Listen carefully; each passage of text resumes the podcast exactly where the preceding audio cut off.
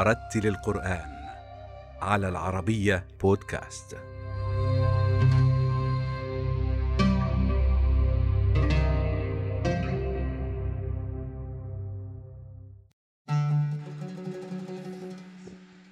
ولد القارئ المغربي زكريا مصباح في مدينة طنجة ملتحقا بكتاتيبها القرآنية ليتم حفظ القرآن الكريم كاملا في الثالثة عشرة من عمره واصل دراسته في مدينة تطوان شمالي المغرب قبل هجرته إلى أوروبا حيث تنقل بين عدد من المساجد في مدن أوروبية ليستقر في مدينة برشلونة الإسبانية إماما وخطيبا ومدرسا للغة العربية. بدأت قصتي مع القرآن الكريم منذ آه، أن كنت صبيا صغيرا. رأيت أبي يأخذ آه، أشقائي الذين هم أكبر مني سنا يأخذهم إلى الكتاب في حينا. فأبي كان حريصا كل الحرص على أن يحفظ أولاده القرآن.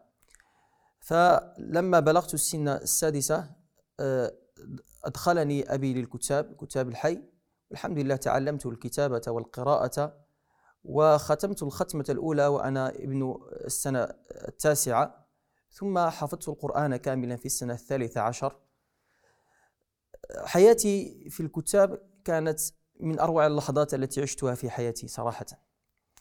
كنا نعيش أجواء إيمانية وأجواء روحانية في الكتاب. كان الشيخ أو الإمام الذي يحفظنا القرآن آه، يدرسنا على الطريقة المشهورة في المغرب طريقة اللوح. يعني وأنا كنت أوازي ما بين المدرسة العمومية وما بين تحفيظ القرآن في حفظ القرآن في الكتاب. آه، كنا نستيقظ على الساعة يعني قبل صلاة الفجر بنصف ساعة نتوضأ ونذهب للكتاب نصلي الفجر مع الإمام ثم نشرع في حفظ الربع الذي سنستظهره في ذلك اليوم. ثم عندما تصل آه، يحين وقت آه، المدرسة العمومية أذهب للمدرسة. وأدرس فيها إلى حتى الساعة آه، الواحدة زوالا ثم أرجع للكتاب وأقرأ حتى الساعة السادسة مساء. وهكذا إلى أن ختمنا كتاب الله سبحانه وتعالى ووفقنا الله سبحانه وتعالى لحفظه. ثم لما بلغت السنة الخامس عشر قدمني شيخي حفظه الله لإمامة الناس في صلاة التراويح. وكنت آه، آه، صغير السن وبين صغير السن بين إخواني آه، بين الطلبة ومع ذلك لما قدمني الشيخ لقي لقي ثناء لقيت ثناء وإعجابا من الناس على أن هذا الطفل سيكون له مستقبلا زاخرا وسيكون من القراء القراء. الحمد لله يعني هذه المسائل كانت تشجعني وتحفزني على أن أستمر في هذه المسيرة. أن أستمر في المسيرة في مسيرة حفظ القرآن. حتى ختمته وختمت مرارا وتكرارا على بعض المشايخ ممن لديهم دراية بالمام مما المشايخ الذين لديهم سند السند إلى رسول الله صلى الله عليه وسلم. فأخذت ختمة رواية ورش من طريق الأزرق. قراءة نافع برواية ورش من طريق الأزرق. أخذتها أحد المشايخ والحمد لله. ثم بعد ذلك كنت أذهب إلى بعض المشايخ لأدرس عليهم بعض علوم الآلة علوم الآلة.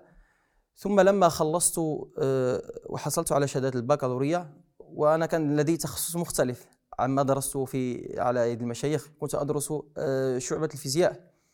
فانتقلت إلى لما حصلت على شهادة البكالوريا انتقلت إلى آه، مدينة تطوان وأتممت الدراسة الجامعية حتى حصلت على الإجازة.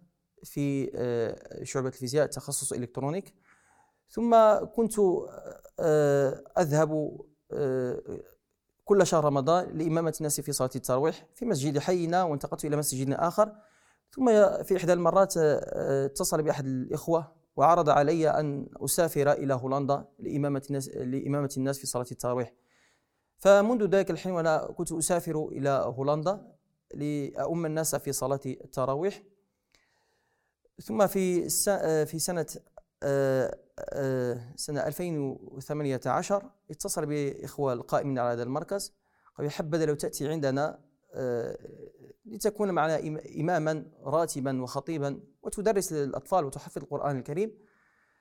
فأنا عرضت الفكرة على والدتي وعلى الأخ الأكبر الذي سبقنا في هذا الميدان وقال لي توكل على الله. آه، هذا اصطفاء من الله سبحانه وتعالى أن يجعلك خادما في مجال الدعوة. فالتحقت بالإخوان والحمد لله وفقني الله سبحانه وتعالى آه، لإمامتهم وكنت خطيبا لهم وإماما ومدرسا آه، ما يقارب أربع سنوات في هذا المسجد. هناك فرق بين بين وظيفة الإمام في المغرب ووظيفة الإمام في أوروبا بصفة عامة وفي إسبانيا بصفة خاصة. الإمام في المغرب ربما يكون إما إماما راتبا يصلي بالناس صلاة الخمس فقط أو يكون آه، خطيبا أو يكون محفظا للقرآن. أما في أما في آه، أوروبا عموما وفي إسبانيا خاصة الإمام يجمع بين هذه المسائل كلها. يعني يكون إمام وخطيب وواعظ ومدرس اللغة العربية للأطفال الأطفال الجالية ويكون محفظا للقرآن الكريم. وتختلف آه، كذلك من الناحية الإدارية لأن الإمام في المغرب ينتمي إلى وزارة الأوقاف وإلى آه، آه، المندوبية المسؤولة عن القيمين الدينيين. أما في أوروبا فهناك جمعيات يعني إسلامية يعني هي التي تسير المسجد وتكون آه، تسير المسجد وهي التي يعني آه، الجمعيات هي التي يعني آه، يجتمع بعض الأفراد ويؤسسون جمعية جمعية ثقافية وربما جمعية إسلامية لينشئوا مسجدا. ثم هذا ثم يأتي إمام ويكون معهم اماما راتبا وهم يسيرون الشأن الإداري والإمام يكون له الشان الديني في المسجد. الإمام يعني الدروس والخطب والمواعظ وتعليم الأطفال والجمعية يعني آه، هذا آه، عملها أن يعني تسدد فاتورة الكهرباء والماء وما يتعلق بالأمور الإدارية للمسجد. أعوذ بالله من الشيطان الرجيم. يا أيها الذين امنوا كتب عليكم الصيام كما كتب على الذين من قبلكم كتب عليكم الصيام كما كتب على الذين من قبلكم لعلكم تتقون أياما معدودات فمن كان منكم مريضا أو على سفر فعدة من أيام أخر. وعلى الذين يطيقونه فدية طعام مساكين. فمن تطوع خيرا فهو خير له. وأن تصوموا خير لكم إن كنتم تعلمون. شهر رمضان الذي أنزل فيه القرآن.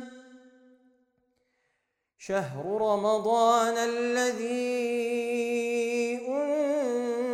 فيه القرآن هدى للناس وبينات من الهدى والفرقان. فمن شهد منكم الشهر فليصم ومن كان مريضا أو على سفر فعدة من أيام أخر يريد الله بكم اليسر ولا يريد بكم العسر ولتكملوا العدة ولتكبروا الله على ما هداكم ولعلكم تشكرون وإذا سألك عبادي عني فإني قريب أجيب دعوة الداعي دعان. فليستجيبوا لي وليؤمنوا بي لعلهم يرشدون.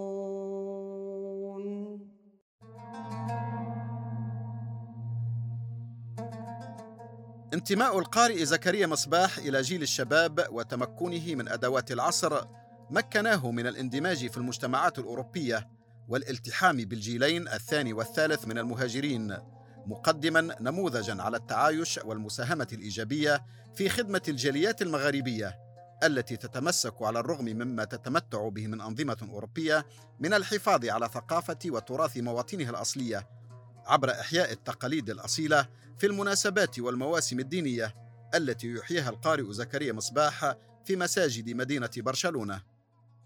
دور الإمام في أوروبا لا يقتصر فقط على المسجد. الإمام لديه دور في المسجد ودور خارج المسجد. آه، فالإمام خارج المسجد يحاول أن يوجه آه، الجالية المسلمة لما فيه خير لها من الصواب والالتزام وإعمار بيت الله سبحانه وتعالى. والجاليات المسلمة هنا يعني تختلف من جالية آه، جالية مغربية وجالية باكستانية وجالية من جنسيات من جنسيات مختلفة. آه، الرابط الذي يجمعهم هو المسجد. يعني لما يدخل الفرد سواء من كان من أي جنسية أتى يدخل المسجد آه، يجمعنا الحمد لله ويوحدنا الإسلام. يعني نختلف في العادات ونختلف في الثقافة لكن نتفق ونجتمع في آه، الإسلام. يعني هناك نقط تشاركية كثيرة. آه الذي يختلف عنا آه وعن آه باقي الجاليات هو اختلاف اللغة. هذا اختلاف اللغة يعني نحن آه، نتكلم باللسان العربي وربما يعني الخطباء يعني آه، يتكلمون أو يخطبون باللغة العربية والجالية الأخرى ربما لا يفهمون اللغة العربية. فيضطر الإمام آه، في بعض الأحيان لترجمتها إلى اللغة الإسبانية. التي يتشارك فيها الجميع في هذه آه، في في دولة إسبانيا. ثم آه، قد تجد آه، الجالية أخرى تنتمي لمذاهب مختلفة. فنحن في المغرب يعني درسنا على مشايخنا فقه المذهب المالكي ونحاول قدر المستطاع أن نكون يعني نلتزم بهذا المذهب. لكن نحن نرجح ما نراه رجحه علماؤنا ومشايخنا حفظهم الله منهم من رحمه الله. لكن آه، يعني في بعض الأحيان تجد آه، أخا آخر مسلما من جالية أخرى يعني لديه مذهب شافعي أو مذهب حنبلي ومع ذلك تحترم خصوصيته وتحترم انتماءه. وإذا سألك في فتوى يعني على مذهب أخ... على مذهب آخر فتبحث وتجيبه عنها. يعني لا تلزمه برأي رأي محدد. آه، ومع ذلك يعني الحمد لله المسجد يحاول أن آه، يلم شمل الجميع. يعني نعد إفطارات في في شهر رمضان يعني نعد إكرامات آه، في أواخر الأسبوع ويجتمع الحمد لله الجميع سواء جميع الجنسيات تجتمع في في المسجد.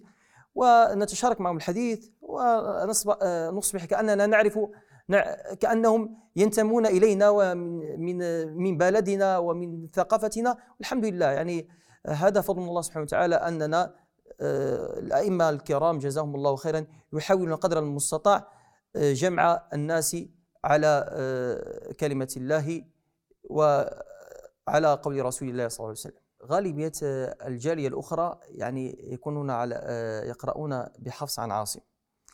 وقصة طريفة وقعت لي في صلاة الفجر. كنت أؤم الناس في صلاة الفجر وأقرأ من أواخر سورة البقرة يعني آه إلى أن وصلت آه وانظر إلى العظام كيف ننشرها ثم نكسوها لحمة فلما انتهيت من الصلاة جاء عندي أحد أحد الأفراد آه أفراد من المصلين وقال لي ربما قرأتها خطأ. قلت كيف تقرأ أنت؟ قال أقرأها كيف ننشزها. فقلت له هذا عن روا... هذا برواية حفص عن عاصم. فقال لي لا أدري أنا. قلت له نحن في المغرب يعني الحمد لله آه، درسنا على مشايخنا يلتزمون برواية آه، ورش آه، من طريق الأزرق بقراءة قراءة نافع. ففهم الأمر. ففهم أن هناك ما يسمى بعلم القراءات. فبسطت له الأمر. قلت بأن القراءات يعني نحن في المغرب نقرأ بقراءة نافع برواية ورش عن طريق الأزرق. وفي المشرق يقرؤون برواية حفص عن عاصم وهناك يعني آه، آه، أصدقاءنا ومشايخنا ممن يقرؤون بالقراءة العشر. آه، فالإنسان إذا سمع إماما يقرأ يعني ربما برواية لا يعرفه فليستفسر وليسأل حتى يعرف أن هناك ما يسمى بعلم قراءات وتختلف الكلمات وربما يختلف الشكل وهذا لا يغير معنى القرآن. إنما كيف ننشزها وكيف نشير وهذا لا يغير المعنى. أو لا في نغفر لكم يغفر لكم. هذا لا يغير معنى آه، معنى الآية وإنما هذا هذا علم القراءات والذين وضعوا هذا العلم آه، كبار القراء وكبار المشايخ حفظهم الله. عند دخول شهر رمضان يعني الحمد لله آه، يعرف المسجد إقبالا كثيرا من المصلين. الحمد لله يزداد عندهم إيمان آه، والمسجد يكون فيه أجواء إيمانية وأجواء روحانية. في رغم أن رغم الجالية يعملون على الساعة آه، في الصباح الباكر إلا أنهم يحرصون على صلاة التراويح مع الإمام. الحمد لله يكون المسجد ممتلئا عن آخره من جالية مختلفة. فنؤم الناس والحمد لله يعني هذا يزيدنا آه، آه، يزيدنا فخرا أننا الحمد لله حفظنا كتاب الله ونؤم الناس في صلاة التراويح. فصلاة التراويح آه، أو عندما تكون إماما في صلاة التراويح تحتاج إلى مراجعة قبل أن تصلي بالناس. وصلاة التراويح لديها طبع خاص. لما يدخل الإنسان قد يحصل له خشوع لا يدري من أين يأتي ذلك الخشوع. يعني آه، سبحان الله جسدك في المحراب وروحك ربما عرجت إلى السماء.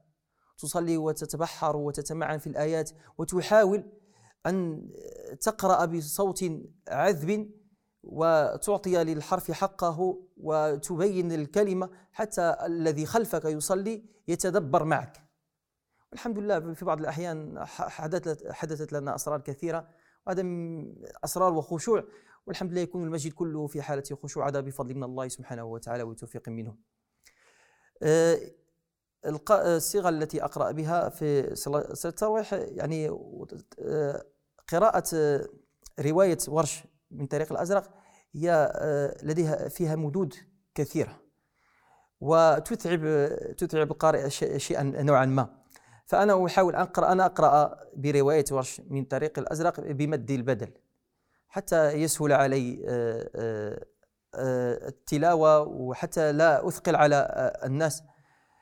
ولكن في رمضان كما قلت الأجواء يختلف عن غير رمضان. يعني في غير رمضان دخلت في صلاة العشاء وصليت بالربع أو الثمن فالناس سيقول الإمام أطال في قراءته. لكن في رمضان إذا صليت بالربع وإذا صليت حتى بثلاثة أثمان الناس يحبون أنهم سبحان الله يزداد عندهم الإيمان وهذا من آه، أسرار شهر رمضان المبارك. فأنا ألتزم بهذه الرواية والحمد لله الإخوة يفهمون بأن هناك ما يسمى برواية ورش وهناك ما يسمى برواية حفص ولا ينكرون علينا هذا الأمر. والحمد لله يقبلون ويكونون معنا في المسجد. آه، كذلك في رمضان آه، الإخوة القائمين يعني على المسجد وجماعة المسجد يجمعون بعض التبرعات من أجل إفطار الصائم. آه، في بعض الأحيان يصل عدد آه، الصائمين الذين يفطرون في المسجد آه، إلى 170 أو 200 شخص.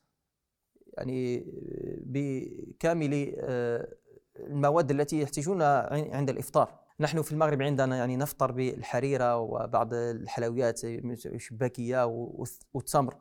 وبعض العصائر. فالحمد لله نحاول أن نوفر لهم جميع ما يحتاجونه حتى لا يحسون بالغربة. هناك من هو بدون أسرة هنا يعني أسرته في المغرب وهو مقيم يشتغل هنا. هناك من يعني زوجته وأولاده في المغرب وهو يعني واحد هنا ويحتاج إلى تلك الأجواء. فالحمد لله يعني المساجد كلها تفتح آه، أبوابها لهذا الخير. والأئمة يعني يشجعون الناس ويحثون الناس على الإنفاق ليتوفر ما يحتاجه الصائم في يومه. أعوذ بالله من الشيطان الرجيم. وإذ قال إبراهيم لأبيه آزر أتتخذ أصنامنا آلهة؟ إني أراك وقومك في ضلال مبين. وكذلك نري إبراهيم ملكوت السماوات والأرض وليكون من الموقنين. فلما جن عليه الليل رأى كوكبا قال هذا ربي. فلما أفل قال لا لافلين فلما رأى القمر بازغا قال هذا ربي. فلما أفل قال لئن لم يهدني ربي لأكونن من القوم الضالين. فلما رأى الشمس بازغة قال هذا ربي هذا أكبر. فلما أفلت قال يا قوم إني بريء مما تشركون.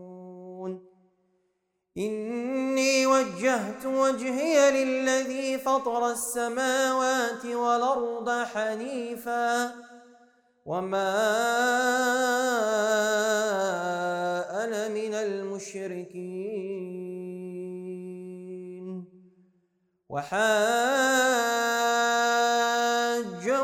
قومه قال تحاجوني وقد هدان. ولا أخاف ما تشركون به إلا أن يشاء ربي شيئا. وسع ربي كل شيء علما.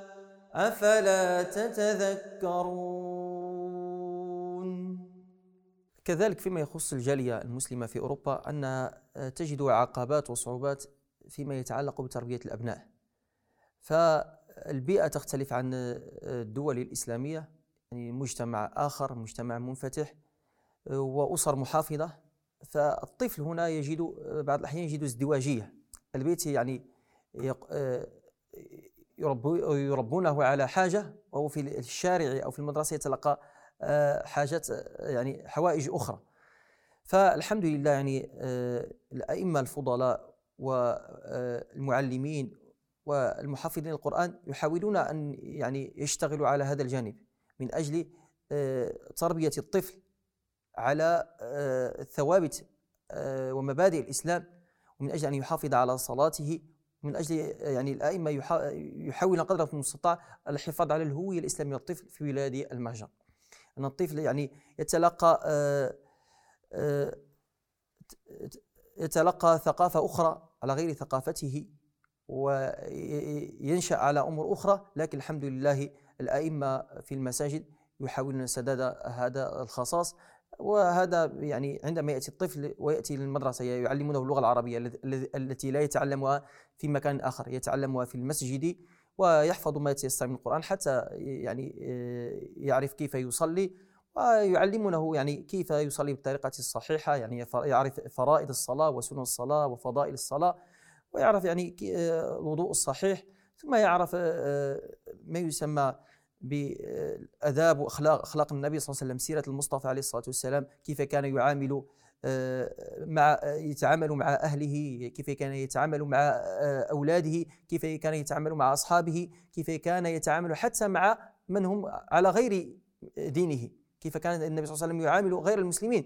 فنحن الحمد لله نحاول أن نعلم الأطفال هذا الأمر حتى يعني يحافظوا على دينهم ويكونوا قدوة في هذا المجتمع.